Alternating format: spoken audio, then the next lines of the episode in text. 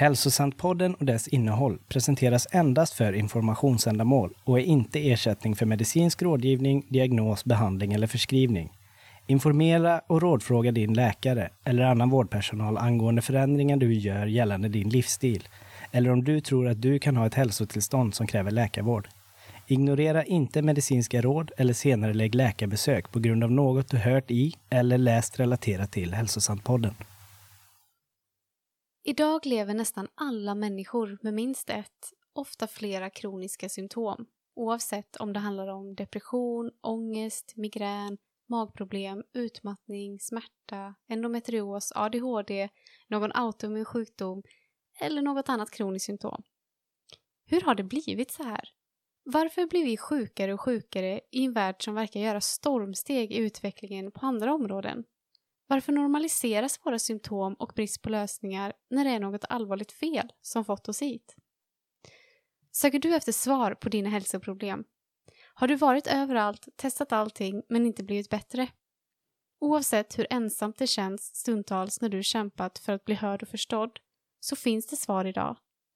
Följ med när vi djupdyker i Anthony William Medical Mediums information som kommit att älskas av miljoner människor världen över. Vår hälsa är grundläggande. Det är din födslorätt att få leva ett friskt och bra liv. Jag och hundratusentals med mig har fått våra liv tillbaka och behöver inte söka mer. Jag heter Carolina Johansson, är utbildad sjuksköterska och näringsterapeut och jag vill önska dig, oavsett om du är en van MM-följare eller helt ny, varmt, varmt välkommen hit.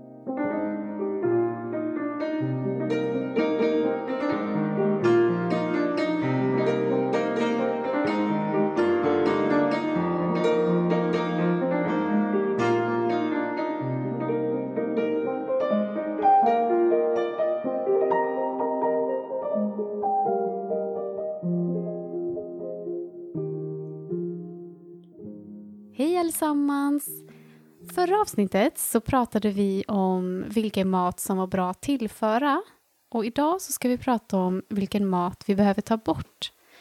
Och den här maten den har olika namn. Det kan vara nejmat, livsförsvårande mat eller bråkstakemat. Eh, jag kallar det nejmaten och det gör nog de flesta. Men det är lite olika namn i de olika böckerna. Eh, och kanske är du, som jag var, så fruktansvärt trött på att någon ska tala om för dig vad du ska äta och inte äta. Det finns så mycket olika åsikter och sidor där ute att man blir matt alltså. Men vet bara att samtidigt som alla bråkar där ute om vad man ska äta och inte äta, oavsett om de kör med vetenskapliga eller morala argument, så har de ingen aning om varför någon blir sjuk. De tror fortfarande att kroppen angriper sig själv, att det är gener, hormoner och så vidare. och Så vidare. Så det här avsnittet handlar inte om det. MMs info är större än så. Det finns verkliga anledningar till att man vill minska eller hålla sig borta helt från den här maten. Inte olika teorier som grundar sig i vad vi tror att man åt förr i tiden eller vad som är inne eller vad som känns som att det minskar inflammation. Men jag tänkte faktiskt att jag skulle läsa för er vad MM säger om de här, den här maten, för han säger det så bra. Så jag läser från Medial läkning sidan 247 om du vill hänga med. Vi vill ha full koll på hälsan och vi vill välja själva. Vi tycker om att kunna välja vilka kläder vi ska sätta på oss på morgonen och vad vi vill ha för skor. Vi vill kunna gå ifrån någon som står med en cigarett i handen så att vi inte behöver andas in röken. Och vi vill välja vad vi ska äta för mat. Vi vill ha något att säga till om när det gäller vad som hamnar i kroppen på oss, vad vi omgör oss med och vad vi andas in. Det vill säga, om man nu faktiskt inte är okej med det. Det är fullt tillåtet att ha fel storlek på kläderna, andas in cigarettrök, äta skräpmat och inte bry sig. Så länge man vet att man gör det. Det är vårt eget val och det vi väljer medvetet ska också respekteras. Men tänk om sådant som vi inte är medvetna om hindrar oss i livet eller skadar vår hälsa. Då har vi ju inga valmöjligheter längre. Och det är precis vad som håller på att ske. Människor äter mat, tillskott och tillsatser som kan påverka hälsan negativt och begränsa deras livskvalitet. Men de har ingen aning om det. Det är en sak att unna sig lite chokladkaka trots att vi vet att den kommer att sätta sig runt magen.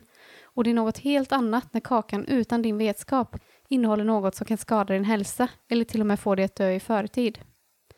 Varje dag luras människor att sätta i sig gifter, irriterande substanser och annat som försämrar hälsan. De har inget att säga till om, för de vet inte om att det sker. Och detta erövrar dem deras valmöjligheter, frihet, beslutanderätt och kontroll. Visst, man kan säga att det är bara lite grann eller att det som inte dödar härdar eller att lite skit rensar magen eller att alla andra äter det. Eller att det väl inte kan vara så farligt i alla fall. Och om du är fullt frisk och inte lider av några som helst krämpor, om du är ung och känner dig odödlig, då är det kanske inte så illa att en del giftiga ingredienser tar sig in i din kropp utan din vetskap. Men om du bryr dig det minsta lilla om din hälsa, om du är känslig för något, har småkrämpor eller rent av någon sjukdom, eller bara är mån om att förebygga framtida problem, då är det helt avgörande att undvika så många utlösande och bidragande faktorer du bara kan. Kroppen behöver allt stöd den kan få för att ställa till rätta obalanser och upprätthålla bästa tänkbara hälsa. När det gäller hälsan stämmer det inte att det som inte dödar härdar. Men det har väldigt länge varit en populär missuppfattning. Sanningen är inte att vi blir immuna mot gifter genom att vänja oss vid dem. Tvärtom, ju mer gift vi har i kroppen, desto svagare och mer sårbara blir vi. Vid det här laget har vi alla hört om konserveringsmedel och artificiella smaktillsatser och vi förstår att vi är klokt i att undvika dem. Men det finns också andra problematiska ingredienser som alla borde undvika. Dessa ingredienser kan bli näring åt virus, bakterier och svamp, vilket i sin tur kan leda till inflammationer och därmed försvaga och ställa till oreda i matsmältningen, immunförsvaret, körtlar och organ, cellförnyelse överallt i kroppen och kommunikationen i hjärnan. Det kan göra oss mottagliga för depressioner, ångest, stroke, hjärtinfarkter och mer till. Det är osannolikt att din läkare varnar dig för dessa födoämnen, tillsatser och tillskott, för det är inte allmänt känt att det kan såväl förvärra existerande sjukdomstillstånd som utlösa nya. Du förtjänar att veta vad det är du stoppar i dig och vilka effekter det har på din kropp. Med hjälp av informationen i det här kapitlet kan du börja skydda dig. Du är värd att skyddas. Det är hög tid att du får kontroll över vad du tar in i kroppen och information som hjälper dig att välja. För detta är ett viktigt steg på vägen mot återställd hälsa. Slut på citat. Det finns olika nivåer på den här maten, på den här nej-maten. Fem olika nivåer och sedan en bonusnivå. Så jag tänker att vi går igenom alla nivåerna och pratar om varför MM rekommenderar att man helst slutar med var och en av de här om man vill hålla sig frisk eller ha symptom. Eh, för har man maten i systemet är det svårt att göra sig av med det fyra skoningslösa på bästa sätt och då är det svårt att läka från sina symptom. Nivåerna är till för att underlätta för dig att kunna sortera lite. För vad plockar man bort först? Vad är viktigast? Om du har mycket besvär rekommenderar MM att man klättrar i nivåerna och tar bort så mycket som möjligt under lång tid så att kroppen får chans att återhämta sig. Alla lever vi olika liv och det kan vara svårt för någon att plocka bort allt på en gång medan för en annan som kanske redan har plockat bort en hel del från listan så kan det gå snabbare uppåt. Och du kan självklart anpassa nivåerna precis hur du vill. Vad som passar in i ditt liv just nu och sedan i din egen takt ändra på saker och ting. Och vi är alla olika på det sättet att vi har olika mycket av gifter och patogener i vår kropp. En del känner effekt av att ta bort en del saker bara, men en del behöver gå verkligen all in och lusläsa på varenda innehållsförteckning för att verkligen få bort varenda spår ur sina kroppar. Så viktigt kan det verkligen vara. Och jag kommer förklara mer under avsnittets gång, eh, men att verkligen förstå varför den här maten är så förödande för oss när vi har symptom, det är liksom anledningen till att vi går igenom var och en så att vi har motivation och kunskap till att kunna ta bra val. Så vi kör igång med nivå 1, alltså själva grunden. Och det är att plocka bort ägg, mejeri, gluten, läsk och att tänka på saltintaget. Men vi går igenom alla var för sig. Ägg då. vi kör kanske igång med den jobbigaste för så många. Det är så ingrott i oss och vi har sådana känslomässiga band till ägg att en del människor kan till och med bli arga om man försöker säga något om deras ägg. Det är en basföda för många. Och det som är så intressant med ägg, att det inte var så farligt förr. Det var överlevnadsmat för många av oss. Och anledningen till att MM inte vill att vi ska äta ägg, det har inget med själva äggets nyttighet egentligen att göra. Många hävdar att ägg har den ultimata sammansättningen och så vidare. Och så vidare. Ja, det kanske stämmer, men man har använt bland annat ägg för att i labb föda upp patogener som virus och bakterier. Och med allt som pågår med pandemin har vi ju hört om dessa labb mer än innan. Och för att hålla de här patogenerna vid liv har man matat dem med ägg. Det har alltså varit deras föda. Och de här patogenerna kom på något vis ut och ligger till grund för många, många av de kroniska sjukdomarna vi har idag. Och de här patogenerna äter fortfarande bland annat ägg. Ägg är deras favoritföda. Det betyder att oavsett om du har influensa eller EBV eller bältros så kommer det få ett starkare fäste i dig om ägg är närvarande. Ägget som en gång var bra mat har man alltså nu förstört. Det som förr bidrog till att säkra vår överlevnad minskar nu våra chanser att överleva.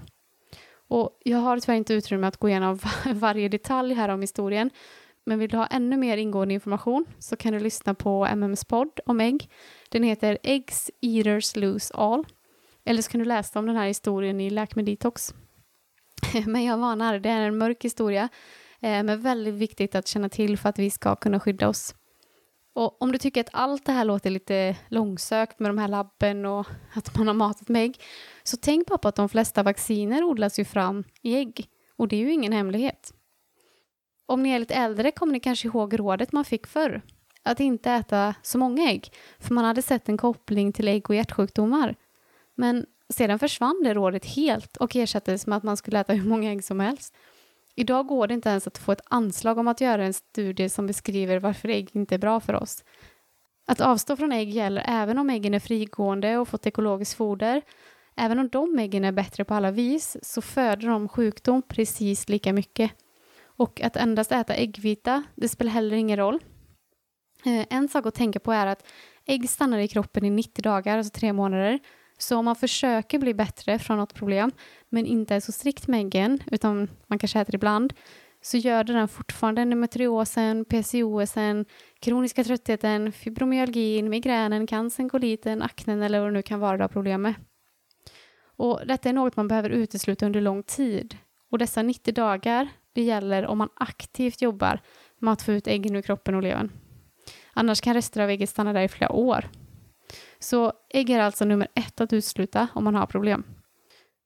Det är en verkligt grym verklighet vi lever i när ägg hissas till skyarna och inte får kritiseras samtidigt som så många kvinnor lider av infertilitet, PCOS, endometrios, bröst och fortplantningsorganscancer och ägg håller liv i de virus som skapar dessa tillstånd och många, många mer.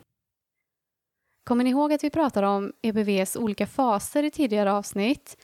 Och det kan räcka med ett enda ägg för att EBV-viruset ska gå från en fas till en annan. Detta är en sån viktig aspekt och nackdelarna med ägg överväger alla, alla, alla eventuella fördelar. Och MM har till och med sagt att om vi fortsätter äta ägg kan det rasera alla andra bra saker vi gör för vår hälsa. Och snälla kom ihåg, det handlar inte om att leva i rädsla, utan om att inte leva i förnekelse. Jag vet att det är jobbigt att veta om allt här, men jag lovar dig, det är mycket jobbigare att bli eller vara sjuk. En otroligt viktig del i att bli av med patogenerna i vår kropp, det är att sluta ge dem mat så att de kan växa till sig och skapa skada. Vi vill liksom svälta ut dem. Och några saker jag bara vill tillägga innan vi går vidare på nästa, det är att proteinerna och omega-3 i ägg, det förstörs så fort vi tillagar dem. Och då blir de oanvändbara för våra kroppar. Och hormonerna i ägg, och nu pratar jag inte ens om de man tillsätter äggen, utan det som finns naturligt i ägg för att kunna producera en kyckling, ger inte bara näring åt patogener, utan det stör våra egna hormonkörtlar och skapar obalans. Och det sista jag vill tillägga är att ägg, i motsats mot vad vi ofta får höra, inte alls är bra för blodsockret. Och detta är något vi kommer prata väldigt mycket mer om längre fram, just insulinresistens och diabetes. För oavsett hur mycket du tror dig ha hört om det här redan, så vänder MM-infon upp och ner på allt. Vilket är något mycket bra, för det gör att vi kan ta oss framåt på riktigt. Men angående blodsockret så innehåller ägg både fett och socker och den kombinationen ger nämligen insulinresistens som kan leda till diabetes. Om du nu tänker att ägg inte alls innehåller kolhydrater så jo, det gör det, för annars skulle kycklingen aldrig kunna utvecklas. Och den styrka hade aldrig byggts upp så mycket att den skulle kunna ta sig ut ur skalet. Men jag lovar, vi kommer tillbaka till både insulinresistens och muskelbyggande längre fram. Men vi slutar med ägg där. Jag tänker att det kanske, det kanske är nog för idag där. Eh, men vi går vidare till mejeriprodukter. Alltså ost, smör, mjölk, yoghurt, ghee, kefir, vassle. Ah, oavsett om det kommer från kor, getter eller får. Det finns en hel del anledningar att undvika mejeriprodukter till varje pris. Och detta gäller även om de är kravmärkta, från gräsbetat och så vidare. och så vidare. Såklart är de här bättre. För de andra är totalt katastrofala med den tillsatta antibiotikan, hormonerna och GMO-fodret. Men det vi kommer ta upp nu, det gäller alla sorts mejerier, ekologiska eller inte.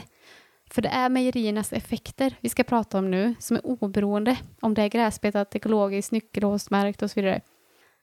Och för att knyta an till vad vi avslutade med angående ägg så innehåller även mejeri både fett och socker, vilket belastar bukspottkörteln något enormt. Och MM har berättat att typ 2-diabetes kan komma av mejeriprodukter enbart, så så tufft är det för organen.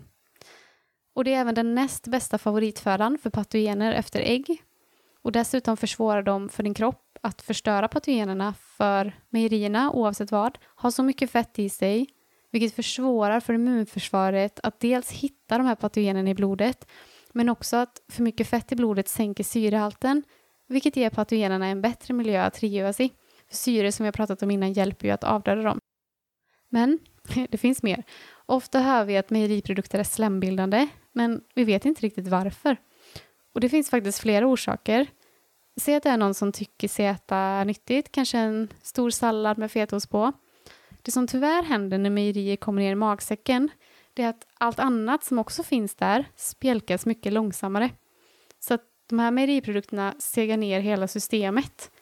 Så alla de här näringsämnena från salladen, mineraler, vitaminer, virus och bakteriehämmande ämnen, läkande, fytokemikalier och så vidare, de ska ju ta sig via tarmväggen och ut i blodet till levern. Där gör levern dem mycket starkare i en process som gör att deras livslängd förlängs till och med kan man säga, så att alla ämnena kan ta sig dit de ska ut i kroppen sen.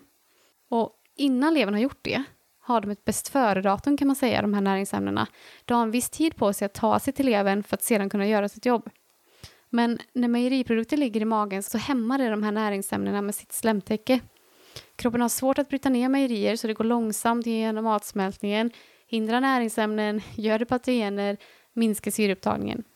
Men när mejeriprodukterna väl har brutits ner och tar sig till levern så klägger den igen levern, som är vårt filter. Och det här bromsar upp levern omedelbart och i och med detta så kan inte levern vara så bra som den borde och mycket gifter släpps igenom ut i kroppen där histaminet ökar, vilket resulterar i mer slembildning. Och lymfan, lymfsystemet, det blir också igensatt av mejerier. Patogener har lättare att få fäste i lymfan om mejerier finns närvarande. För precis som vi sa när det handlar om blodet så begränsas immunförsvaret av den höga fetthalten. Och dessutom släpper patogenerna ifrån sig gifter, vilket vi pratade om i tidigare avsnitt, som får lymfan att producera en vätska i försvar, vilket är ytterligare en anledning till slem. Så när vi får influensa till exempel och har massa slem i kroppen så beror det på just det här. Alltså virus tar sig in i vår kropp, livnär sig på mejerier, ägg, gluten och så vidare som kan finnas kvar från år tillbaka i vårt system om vi inte aktivt har rensat ut det. Och så utsöndrar patogenerna gift och kroppen reagerar med att bilda slem för att försöka bromsa och fånga viruset. Så att ju mindre mat vi har för patogener att äta av i vår kropp, desto mindre slem kommer ju bildas och ju mindre symptom som hosta och täppta bihålor kommer vi ha. Och det är samma sak som gäller vid olika allergier. Eh, då är det ofta streptokocker som härjar i kroppen, kan även vara lite annat. Men att endast utesluta mejerier om man har problem med olika allergier kan göra underverk. Eh, är ni fortfarande med? Detta var bara nummer två av rätt många. Eh, ni kanske kommer behöva en liten paus av sågandet här av vår favoritmat. Men om ni inte gör det så går vi vidare till gluten. Och helt ärligt, är inte den här ganska enkel idag? Det var ju mycket värre förr. För idag finns det så många alternativ. Och varför då? då? Jo, för att så många har redan börjat utesluta gluten ur sina liv. Men anledningen har inte varit helt känd innan. Det har varit lite av en gissningslek. Och det sägs att det skapar inflammation i kroppen, men varför skapar den inte inflammation hos alla i så fall? Vissa kan ju äta hur mycket gluten som helst och må jättebra. Och det beror på att gluten föder patogener som ger upphov till symptom och kroniska sjukdomar. Det är liksom inte glutenet i sig självt eller spannmålen som är problematiska. Det handlar inte om att de är inflammerande i sig själv. Inte heller handlar det om mykotoxiner. Spannmål har varit en basföda för många under många, många år. Men tack vare att de här patogenerna har det som ett ytterligare favoritföda så ställer det till med massa problem för oräkneliga människor. Så att de som inte har problem med att äta gluten, De har inte heller lika mycket patogener i sin kropp. Sen finns det många som inte är medvetna om att de har problem med det, men det är en annan sak. Eh, det vi speciellt pratar om är vete, korn, råg och dinkel. Och inte ens celiaki beror på en glutenintolerans i botten. Det är samma sak där. Glutenet matar bara det underliggande problemet som är patogener, vilket skapar den inflammation man ser hos de som får diagnosen celiaki.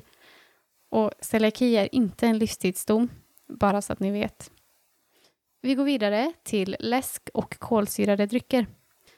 För, för det första så kommer de här ofta i aluminiumburkar, vilka läcker aluminium till oss, även om de har de här skyddande hinnan på insidan. Och vi vill ju rensa ut aluminium i vår kropp.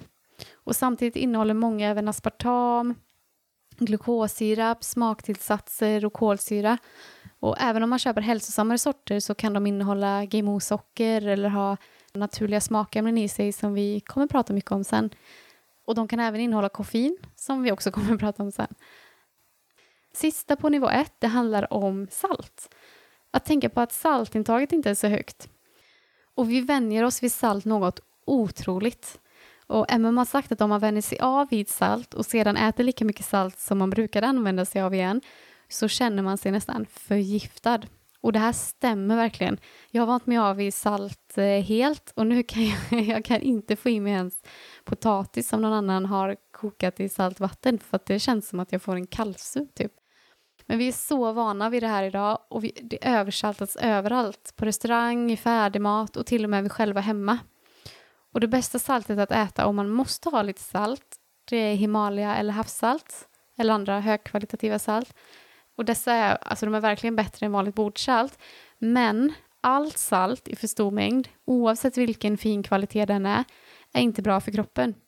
Det som händer är att salt torkar ut organen samtidigt som den får kroppen att binda vätska där vi inte vill ha den. Fettceller till exempel, det kapslar gärna in salt, vilket gör fettcellen uttorkad. Och en sådan fettcell får en annan struktur som är mycket svårare för kroppen att göra sig av med. Salt samlas även i organ, muskler och körtlar. Speciellt levern fångar upp salt för att försöka skydda dig från överdosering, vilket gäller i stort sett alla idag.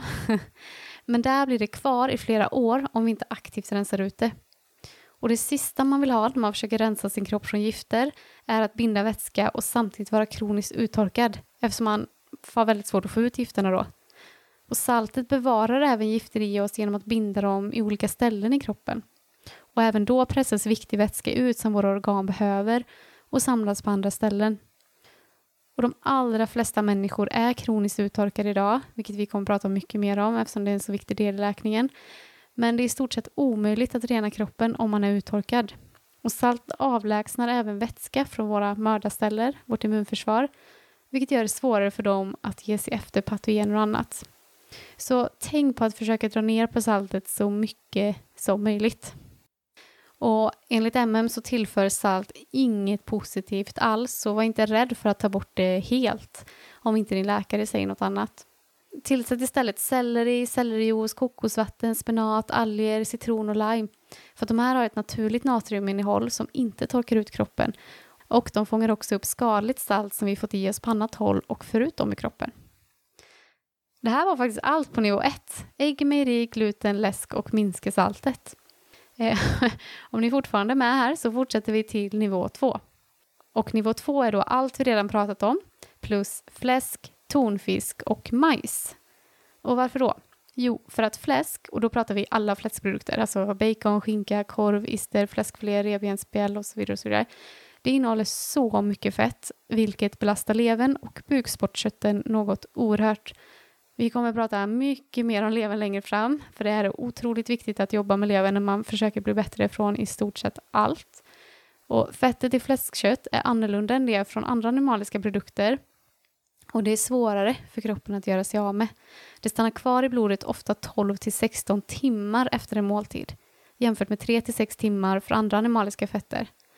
Och det här innebär att blodet inte får en chans att syresätta sig på bästa sätt innan man äter nästa måltid med fett. Så ju mindre fett, desto mer syresättning, vilket vi pratade om tidigare, hjälper kroppen att göra sig av med patogener. Och på sättet som fettet från fläsk även hämmar levern gör det nästan omöjligt att rensa ut tungmetaller, gifter och patogener ändå. vilket är precis det vi vill göra. Och förresten, när vi pratar om syresättning så pratar vi på mikronivå. De tester som finns idag mäter på makronivå och visar att de flesta som inte är akut sjuka eller långtidsrökare och så vidare har bra syresättning. Men nyare tester kommer att komma som kan läsa ut skillnaden. Och tonfisk då? All fisk och skaldjur som kommer från våra vatten innehåller kvicksilver. Men tonfisk är en stor fisk och innehåller ofta mer. Kvicksilverhalten i oss blir bara högre och högre och ligger som vi pratat om innan bakom tillstånd som ADHD, autism, hjärndimma, Parkinson, minnesförlust, bipolär sjukdom, Alzheimer och så vidare. Kvicksilver ger dessutom näring åt de patogenerna som ligger bakom de autoimmuna sjukdomarna som härjar som en epidemi runt om oss. Och vi vill befria våra kroppar från kvicksilver, inte fylla på med mer. Och det blir dessutom ännu värre om tonfisken ligger i aluminiumburkar. Spåren av aluminium som läcker tillsammans med spåren av kvicksilver reagerar med varandra och skapar ett ännu farligare nervgift. Så skippa tonfisken oavsett om du äter den i sushi, sallad eller vad du nu gör. Den sista på nivå två är majs. Och det här är en otroligt sorglig historia. Majs har nämligen varit en fantastisk del av vår existens. I över 2000 år hjälpte den oss att överleva och må bra. Det var en fantastiskt bra mat. och Den var läkande. Den skulle antagligen ha hamnat i de fyra heliga om det inte vore att man förstört majsen. Över en natt var allt förbi. Detta på grund av genmodifiering. Man har ändrat i majsens DNA och nu kan den göda alla slags sjukdomar och mata de patogener som ligger bakom de flesta av vår tids kroniska sjukdomar. Man tog själen av något som varit så värdefullt för oss människor. Och det hjälper tyvärr inte att köpa ekologisk majs eller majs från gammalt kulturarv. GMO har spridit sig med vinden så mycket att det i stort sett allt är besudlat. Om man nu ska äta majs är det såklart bättre att leta efter de riktigt gamla kultursorterna. Men det är stor risk att även de är förorenade av GMO. Och tyvärr är chansen stor att patogenerna som lärt sig och blivit vana att livnära sig på den genmodifierade majsen kan tyvärr göra likadant på ekologisk majs. Så har du problem du vill bli av med så försök avstå från majs. Och här gäller det att vara noggrann när man köper förpackad mat, för majs finns i så mycket. Så undersök allt, alla ingredienser på listan. Det kan även finnas i saker man inte tänker på, som i citronsyra, tandkräm, till och med alkoholbaserade örttinkturer, för alkoholen kan vara majsbaserad. Och för det och andra orsaker, inta inte tinkturer med alkohol, men det kommer vi komma till längre fram. Nivå 3. Det är allt vi redan pratat om, plus industriellt framställda oljor, soja, lamm, fisk och skaldjur. Men vi börjar med oljorna. Här pratar vi vegetabilisk olja, palmolja, rapsolja, majsolja, tistelolja, sojaolja. Och de här oljorna förtjockar blodet och hindrar gifter att lämna kroppen. Och de är en påfrestning för hjärt-kärlsystemet, levern och bukspottkörteln. Vissa kan även irritera tarmslemhinnan och de kan även göda patogener. Och eftersom det är påfrestande för levern och bukspottkörteln kan det även leda till sämre matsmältning. Och jag tar upp lite mer om raps också för det är kanske den som överraskar de flesta. Och de andra är inte alls lika vanliga och dels så håller man kanske redan borta från dem. Och det känns som att det finns två olika läger när det kommer till raps. Och speciellt i Sverige med våra gula vackra fält så kan det här vara lite svårt att prata om. För att det kan verka väldigt oskyldigt att använda lite rapsolja lite här och där. Men MM säger att även om det är en pytteliten del i, säg en sallad med massa ekologiska ingredienser, så ska man undvika det till varje pris. Oavsett hur nyttig du än hör att rapsoljan är och vad den innehåller, så överväger inte detta nackdelarna på långa vägar. Genmodifiering är ett problem med raps idag, men även om den inte skulle vara genmodifierad så orsakar raps allvarliga skador på immunförsvaret och göder även patogener. Rapsolja är som batterisyra för organen och kroppens inre väggar, till exempel blodkärl, urinblåsa, fortplantningsorganen, tarmen och så vidare. Och M säger att rapsolja är den främsta orsaken till IBS. Inte den enda, men den främsta. Så var noga med denna, för det finns i så många produkter och många restauranger använder sig av rapsolja. Eller så kanske de har en blandning av oljor med raps i. Så om man börjar rena sin kropp kan alla spår av rapsen vara borta på sex månader. Vi går vidare till soja. Vi pratar alltså allt med soja. Sojabönor, miso, sojamjölk, sås, proteintillskott, sojabaserade köttprodukter, tofu, tempe och så vidare. Sojabönan har tyvärr gått samma öde till mötes som majsen, så den är inte längre säker att förtära tack vare GMO-inblandningen, även om det är ekologisk soja. Och om du känner att du inte är redo att ge upp soja i ditt liv, så försök hålla dig till ekologisk tofu eller tempe någon gång ibland. Men MM rekommenderar att om man har hälsoproblem och vill jobba för att bli bättre så är det bäst att undvika. Och dessutom innehåller den högre fettmängd vilket gör det svårt för kroppen att detoxa. Vi kommer till det avsnitt längre fram. Men vi går vidare till lamm. Och anledningen till att undvika lamm det är samma anledning som fläsk. Det är inte lika fett som fläsk men det ligger på andra plats. Och anledningen att jag pratar om fett här, och som sagt vi kommer prata mer om det längre fram, det är att en av grundpelarna i MM-infon är att vi ska rensa kroppen på de gifter som vi utsätts för sedan dag ett. Och när de här gifterna lämnar våra organ och ut i blodet så vill vi ju att de lämnar vårt system så fort som möjligt för att underlätta för hjärtat. För att bara att gifterna hamnar i blodet kan vara lite extra påfrestande för hjärtat och då vill vi ju inte skapa ytterligare påfrestning genom att göra blodet tjockare genom fettet. Så ju tunnare blod, desto snabbare och lättare lämnar gifterna kroppen. Och håller vi blodet tunt så påverkas inte hjärtat negativt av det här. Så sist på nivå 3, det är fisk och skaldjur förutom lax, öring och sardiner. Och som vi sa innan när vi pratade om tonfisk så innehåller all fisk och skaldjur kvicksilver, men i olika mängd. Men det finns även andra gifter som är oroväckande. På första plats är dioxiner, en restprodukt från industrin. Och alltså den finns överallt redan. Spår av den finns i all mat på jorden. Men det finns mer i fisk och skaldjur på grund av att dioxinerna finns mest i vårt vatten. Så varför är dioxiner ett problem? Ja, 1. det sänker vårt immunförsvar. Två, det är också en aggressiv fri radikal, vilket förstör våra celler. Och tre, dioxiner matar patogener. Så varför okejar MM lax, öring och sardiner på denna nivå då? Och det är för att de innehåller mer spårmineraler. Så att ska du äta någon fisk så får du ändå tillbaka någonting. Liksom. Men det betyder inte att det är bra att äta hur mycket som helst. Men vill du verkligen ha en fisk på denna nivån så satsa på dem. Och söker du nyttiga fettsyror som omega-3 så kan du lika gärna äta havsgrönsaker. Och när vi pratar om lax, öring och sardiner så är det vildfångade som är bäst eftersom odlad fisk tillför ytterligare problem tack vare antibiotikan och antisvampmedlen, alltså fungiciderna som man använder. Vi kommer komma in på tillskott att undvika i ett senare avsnitt, men fiskoljetillskott är något MM avråder starkt ifrån. Så jag nämner det bara här så att du vet, så att du inte byter ut din fisk mot de här kapslarna. Vi är framme på nivå fyra. och hoppas att du är med fortfarande, för att det kan vara väldigt jobbigt att höra alla de här sakerna. Men som vi sagt innan, det handlar inte om att leva i rädsla utan att inte leva i förnekelse. För endast då kan vi göra val för oss själva när vi har den informationen. Men nivå 4 då, det är allt vi pratat om redan, plus vinäger, fermenterad mat och koffein. Vi börjar med vinäger. Och det här är inklusive äppelcidervinäger. MM har gjort ett helt poddavsnitt om endast äppelcidervinäger. Och jag kan inte ta upp lika mycket här såklart, så vill du ha ännu mer belägg för att du ska kunna sluta med äppelcidervinäger så kolla in det avsnittet.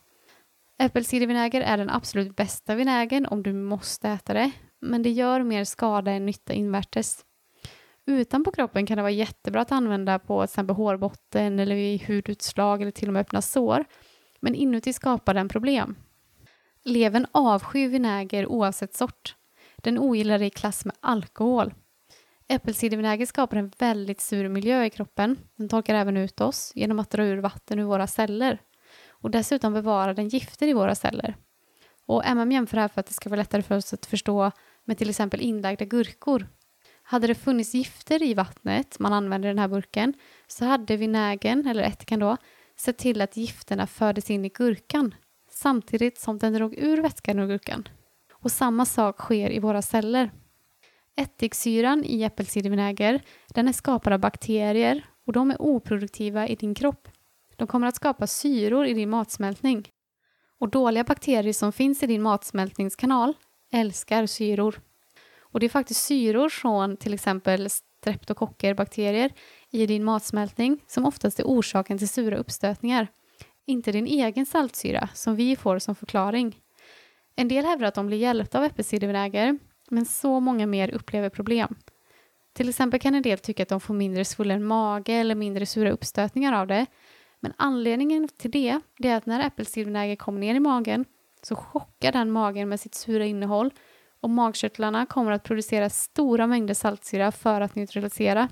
Och det här hjälper både de sura uppstötningarna och att du känner att du kan smälta maten lite bättre. Men det här är endast väldigt tillfälligt, för magkörtlarna de blir uttröttade efter ett tag och när de inte längre kan producera tillräcklig mängd saltsyra kommer problemen tillbaka, oftast mycket värre än tidigare. Och MM har också pratat om att äppelcidervinäger gör oss bensköra och förstör våra tänder. Och det är för att kroppen tar av kalcium för att neutralisera vinägern. Så när vi inte intar tillräckliga mängder av citrus och annat som innehåller bra kalcium så ta den från våra förråd. Och äppelcidervinäger är som sagt den bästa vinägern att äta på grund av att den är gjord på äpplen och vi får något tillbaka när vi äter det, vi får spårmineraler. Men när man inte mår bra kan man behöva vara väldigt noggrann för allting blir viktigt då. Är man i toppform så klarar man av att göra mer saker som inte är bra utan att kroppen tar för mycket skada. I alla fall just nu. Vi fortsätter med fermenterad mat. Det här inkluderar kombucha, surkål och coconut aminos. Och det här har vi pratat lite grann om i tidigare avsnitt. Att det faktiskt inte tillför något gott i kroppen. Fermentering var en överlevnadsstrategi under många år. Vår kropp innehåller miljontals nyttiga mikroorganismer men inga av dem är den sorten man hittar i syrade grönsaker. Alltså det är inte den kroppen hade valt om den fick välja. Det är mycket bättre att vi försöker odla lite egna grönsaker i trädgården, balkongen eller till och med groddar inne för att få de bakterierna som kroppen verkligen mår bra av. Fermenterad mat minskar inte lidandet för någon som är kroniskt sjuk. Och är man det så spelar det roll vad man äter. Man vill ha det bästa vid varje måltid. Men vi går vidare. Vi har kommit fram till koffein. Och det här inkluderar ju alltså kaffe, choklad, matcha och te. Alltså vitt, grönt och svart. Och det här är så stort att vi får ta ett helt avsnitt om det längre fram. Eh, även MM har gjort ett helt poddavsnitt om det. Det heter Coffee, Matcha and Chocolate Abusive Relationship. Så kolla in det så länge om du behöver fler argument. Men eh, jag vill varna dock, koffein det är en mörk historia, mycket mörkare än vi fått veta. Men tre anledningar, framför allt till att vi vill undvika koffein när vi jobbar på vår hälsa. Ett, det är ett nervgift. Har du några neurologiska besvär så är detta särskilt viktigt. Det är aggressivt och överstimulerande för centrala nervsystemet. 2. det stressar våra binjurar att vara i kamp och flykt hela tiden. Och det är inte koffeinet i sig självt som ger energi. Det är dina binjurar som tvingas pumpa ut adrenalin som gör att du får energi. Så kroppen tror att den alltid är i kris. Binjurarna pumpar för fullt. Och för mycket adrenalin har vi redan pratat en del om är skadligt för hela kroppen. Dessutom är adrenalin favoritföda för patogener. Och en sak som händer när vi ständigt utsätter kroppen för detta krisläge det är att den kan bli immun, avtrubbad. Så när sedan en riktig kris sker kanske vi inte reagerar på bästa sätt och adrenalinpåslaget får oss inte att handla som vi borde och hade gjort utan koffeinet. Nummer tre, det torkar ut oss. Vi kan aldrig bli riktigt hydrerade om vi inte har koffein. Och kom ihåg att allt detta gäller tyvärr även om man dricker koffeinfritt kaffe. För det finns fortfarande koffein i det, även om det är lite mindre. Och vi kommer prata mycket mer om det här sen, men speciellt om du har problem med håravfall som kvinna så är det otroligt viktigt att ta bort koffeinet. Och även om vi har problem med infertilitet. Och vi har det tufft i livet. En del behöver koffein för att ta sig genom dagen, det är helt förståeligt. Men när du är redo så finns det bra sätt att stötta både dig och kroppen att bli fri. Så, nu är vi framme vid nivå 5, alltså sista nivån. Och då är det allt vi redan pratat om plus spannmål och alla oljor. Men vi börjar med spannmål. Det är alltså alla spannmål förutom havre och hirs. Och när man börjar sin läkningsresa och är van att äta till exempel stora mängder fett eller annan tung mättande mat så kan havre och hirs vara en bra sak att förlita sig på i början tack vare den här mättnadskänslan det ger. Och det är också även rätt billigt. Så de här två är kvar på den här nivån men alla andra glutenfria spannmål tas bort på den här nivån. Och varför då? De innehåller ju inte gluten som matar patogener i kroppen. Ja, det är tre anledningar. Ett, det är väldigt lätt att denna maten fyller upp en stor del av det du äter. Det är lätt att ris och quinoa till exempel tar så stor del av det som kunde varit mer näringsrika alternativ som frukt och bladgrön till exempel. Så även om spannmål innehåller näring så kommer de inte i närheten av vad de fyra heliga gör. Och det är de vi verkligen behöver när vi behöver bli bättre. Nummer två. De innehåller inga virus och bakteriedödande ämnen, vilket är det vi vill fylla kroppen med när vi har problem. Så att det finns alltså mat som hjälper oss ännu, ännu mer med det. Och tre, spannmål går inte så bra ihop med fett. Och när det handlar om fett så brukar MN prata om radikalt fett, alltså när majoriteten av kalorierna i en råvara kommer från fett. Det kan vara fläsk, kyckling, mejeri, ägg, salami, avokado, olja, nötter och så vidare. För ofta äter man inte spannmål utan fett. Till exempel riskaka med jordnötssmör, rostat bröd med avokado, flingor eller müsli med mjölk, pasta med köttfärssås eller olja och så vidare. Oftast äter man det ihop. Och fett och socker i blodet leder till insulinresistens. Och som jag sa innan så kommer vi prata mycket mer om det här längre fram i ett eget avsnitt. För det är så mycket att gå igenom och så många frågor kommer att besvaras. Nu är vi framme vid den sista på nivå 5. Och det är alla oljor, inklusive hälsosammare sådana som oliv, valnöt, solros, kokos, sesam, avokado, druvkärnor, mandel, macadamia, valnöt och linfrö. Och varför då? Jo, för att det är en väldig skillnad på att äta till exempel avokado än avokadoolja eller oliver än olivolja och så vidare. Oljorna processas inte alls på samma sätt i kroppen som man äter dem hela. Oljan kommer mycket snabbare ut i blodet och sänker syrehalten, vilket aktiverar binjurarna att pumpa ut adrenalin för att tunna ut blodet och skydda hjärtat. Och allt detta sätter stopp för kroppens utrensningsförmåga. Så vill eller behöver du gå djupare så ta bort alla oljor från kosten ett tag. Och nu har vi gått igenom alla nivåerna, 1 till 5. Nu är det bara bonusarna kvar. Och bonusarna då, det är allt vi redan pratat om, plus att man tar bort allt salt och alla kryddor, fast rena kryddor är okej som inte innehåller salt eller smakämnen.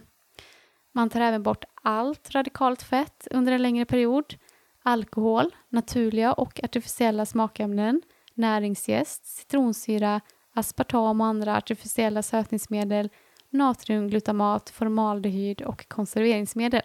Och jag går inte in på alla de här nu, eh, för ni kan säkert väldigt mycket om dem redan, men jag ska försöka förklara vissa av dem.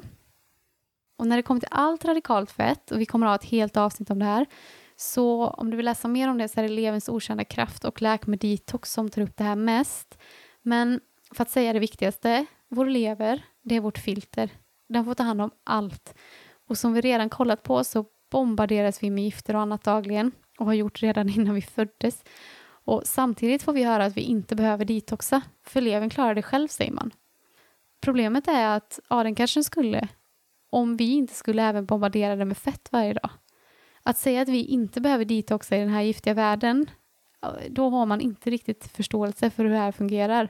För att så fort vi äter fett måste levern ställa om från att rena oss till att börja producera galla. Det blir liksom stopp på reningen med en gång. Och vi äter fett i stort sett hela dagarna. Det finns ingen tid för levern att detoxa. Tänk liksom, på morgonen äter vi kanske yoghurt eller skinkmacka eller avokadotoast eller vad det nu kan vara. Till lunch äter vi kanske spagetti och köttfärssås eller fisk med sås. Och till kvällen äter vi kanske ännu mer fett för vi är trötta och det kan till och med bli fläsk i någon form. Levern får ingen tid över för blodet är alltid fyllt med fett. Det tar så många timmar för fett att brytas ner. Och även stress och koffein sätter stopp för det här. För levern måste stoppa allt och suga upp allt adrenalin som binjurarna har behövt pumpa ut. Så om någon tänker att de kör periodiskt fasta till exempel så spelar det tyvärr ingen roll för att de går då på adrenalin hela tiden som levern måste ta hand om. Därför utesluter man alla radikala fetter, även nötter, avokador och så vidare under en tid för att optimera leverns förhållanden och för att kunna föra ut gifterna som ställer till med problem i våra kroppar. Alkohol, det svälter levern och hjärnan på glukos. Tänk på att så mycket innehåller alkohol idag i någon form. Tinkturer, läkemedel, smink, hårvårdsartiklar och så vidare. och så vidare, och så vidare. Det som MM inte tycker vi ska bry oss om det är handelsinfektion. För där överväger nyttan nackdelarna. Och vi kommer prata mer om vad som sker i kroppen när man dricker alkohol längre fram. Men även om du inte dricker alkohol just nu så kanske du har gjort det tidigare och då är det fortfarande kvar i levern och renar man levern så tar det cirka tre månader att bli kvitt resterna. naturliga och artificiella smakämnen. Kommer ni ihåg att förr så innehöll mycket saker natriumglutamat eller liknande namn. Det är alltså E620 till 625 idag.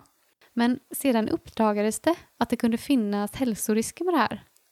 Och när allt fler blev uppmärksammade på detta så ville ingen ha det och det blev lag då på att man var tvungen att lista glutamat i innehållslistan.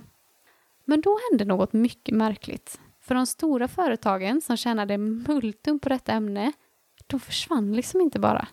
Som i så många andra fall hände något annat.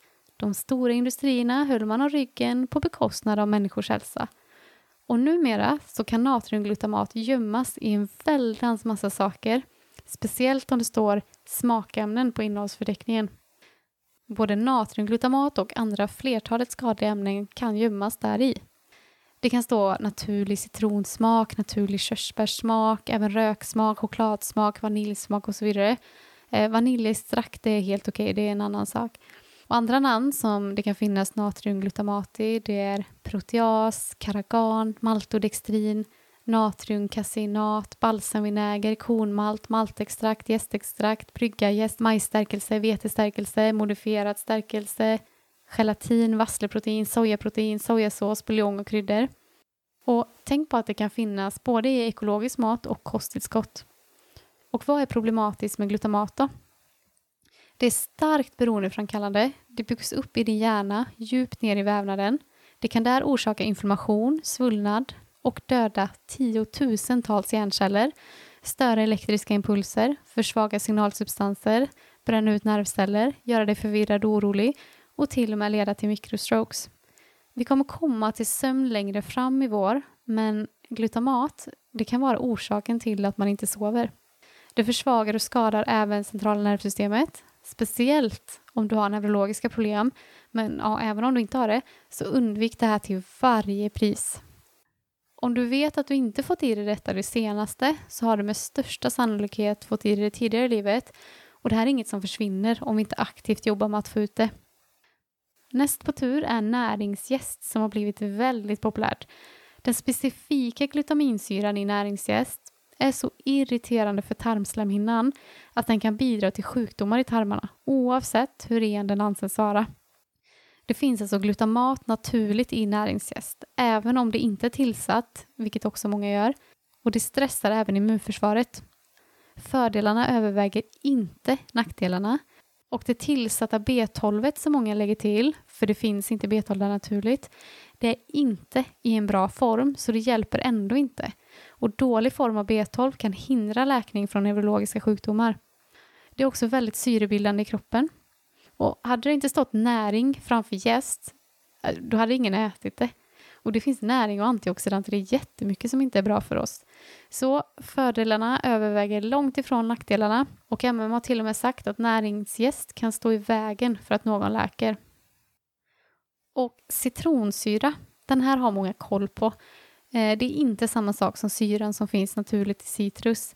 Man har ofta utvunnit citronsyra från mögelsvamp odlad på majs, vilket vi redan pratat om är väldigt problematiskt. Och citronsyra är väldigt irriterande för mag och tarmslemhinnan, så var noga med att läsa på olika produkter som du köper. Och jag vill också bara ta upp om aspartam och andra artificiella sötningsmedel. Aspartam är ett nervgift så det kan skada vårt centrala nervsystem mycket. Så det är också jätteviktigt att hålla sig borta ifrån. Men det är listan. Jag vet det är jättemycket information. Men nu finns avsnittet så att du kan gå tillbaka och lyssna på. Och skicka gärna till andra så att de kan ta del av informationen. Eh, det här handlar absolut inte som sagt om att skrämma någon. Det handlar att om vi vill ha svar så ska de finnas där. Så att vi sedan kan ta beslut som är rätt för oss. Mat ligger oss nära hjärtat och det kan vara otroligt svårt att ens tänka tanken på att sluta med viss mat. Jag förstår det till 100% mer än du tror. Frihet är det viktigaste vi har. Det är din rätt till 100% att äta vad du vill. Men om du gör det kan din frihet tas bort från andra ställen. Och har man inga symptom överhuvudtaget och inte är intresserad av förebyggande så absolut ät maten. Men har man minsta symptom så är det väldigt viktigt. Och det handlar inte heller om att du imorgon inte får äta något från det här avsnittet. Ta det i din takt. Det är det absolut viktigaste. Så tänk igenom hur din matsituation ser ut. Vad känns möjligt att utesluta av dessa matvaror för dig nu? Kanske kan du byta ut gluten mot glutenfria alternativ. Kanske kan du köpa mindre färdig mat och börja laga mer själv så att du har mer koll på vad som finns i maten. Börja med små steg om det känns överväldigande. Små steg tar dig framåt och det gör verkligen det. Underskatta aldrig små steg i rätt riktning. Och kom tillbaka till avsnittet eller böckerna när du är redo för nästa steg. Och kanske är du redo att gå all in på alla nivåer. Fantastiskt. Men din kropp kommer att tacka dig oavsett vad du väljer att ta bort från den här listan. Och detta är bara det som vi inte ska äta. Tänk på allt som vi kan äta. För massa recept på vad du kan äta, gå till medicalmedium.com och kolla in alla hans recept. Han har så fruktansvärt goda recept. Och eh, det finns även recept nästan i alla av hans böcker. Du kan även gå till karolinajohansson.se och kolla in bloggen där, för jag översätter hans recept på svenska så snabbt jag kan för att det ska bli lite lättare för dig. Och det kan verka otroligt svårt att ta bort den här maten vid första anblicken, men det behöver inte vara så svårt. För om man vet vilken mat som man äter istället, och då kan det gå ganska smärtfritt, för man byter liksom ut mot annat. Och de fyra heliga vi gick igenom i förra avsnittet, att öka upp dem hjälper dig att inte crava det andra. Och vi kommer prata mycket mer om cravings längre fram och vad du kan göra för att bli fri från det. Som vanligt så vill jag avsluta med att läsa några ord från MM, denna gången från Läk med Detox med start sidan 59. Jag önskar dig allt gott tills vi hörs nästa gång. Hej då! Gissningsvis bläddrar du igenom eller läser den här boken för att du har känt av någon sorts symptom. Det kanske är något som påverkar din livskvalitet, din prestationsförmåga eller kanske ditt känsloliv. Det kanske handlar om ett symptom som dök upp helt ur det blå eller flera olika symptom som fått dig att boka ett eller flera läkarbesök. Kanske du fått en autoimmun sjukdom eller något annat och kanske var det så att läkarna sa att det var hormonellt eller stressbetingat. Om det inte rör dig personligen så handlar det antagligen om din partner, en närstående eller en vän.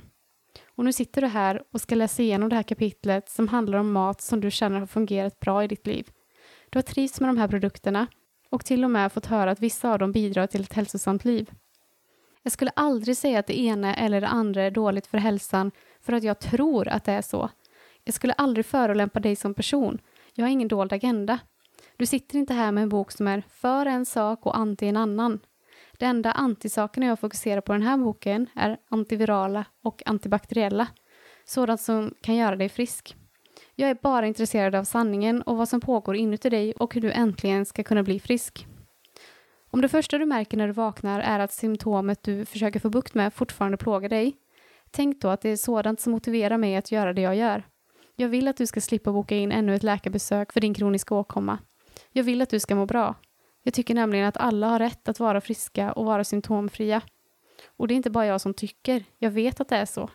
Jag vet vad det vill säga att timme efter timme kämpa känslomässigt, mentalt och fysiskt med ett symptom som de flesta läkare och andra inom vården antagligen klassar som oförklarligt.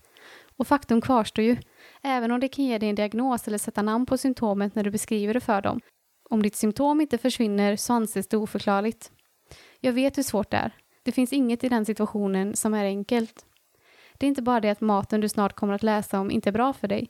Det handlar om något som händer i din kropp. Något som inte bara ter sig som ett mysterium för din familj och dina vänner utan även för dina läkare och den samlade läkarvetenskapen.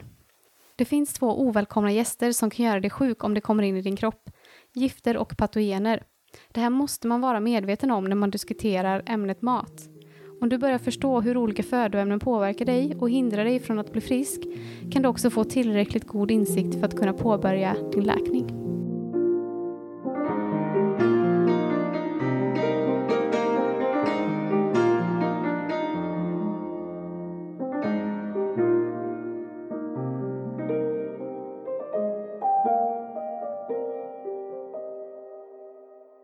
Jag är så glad att du lyssnar på podden.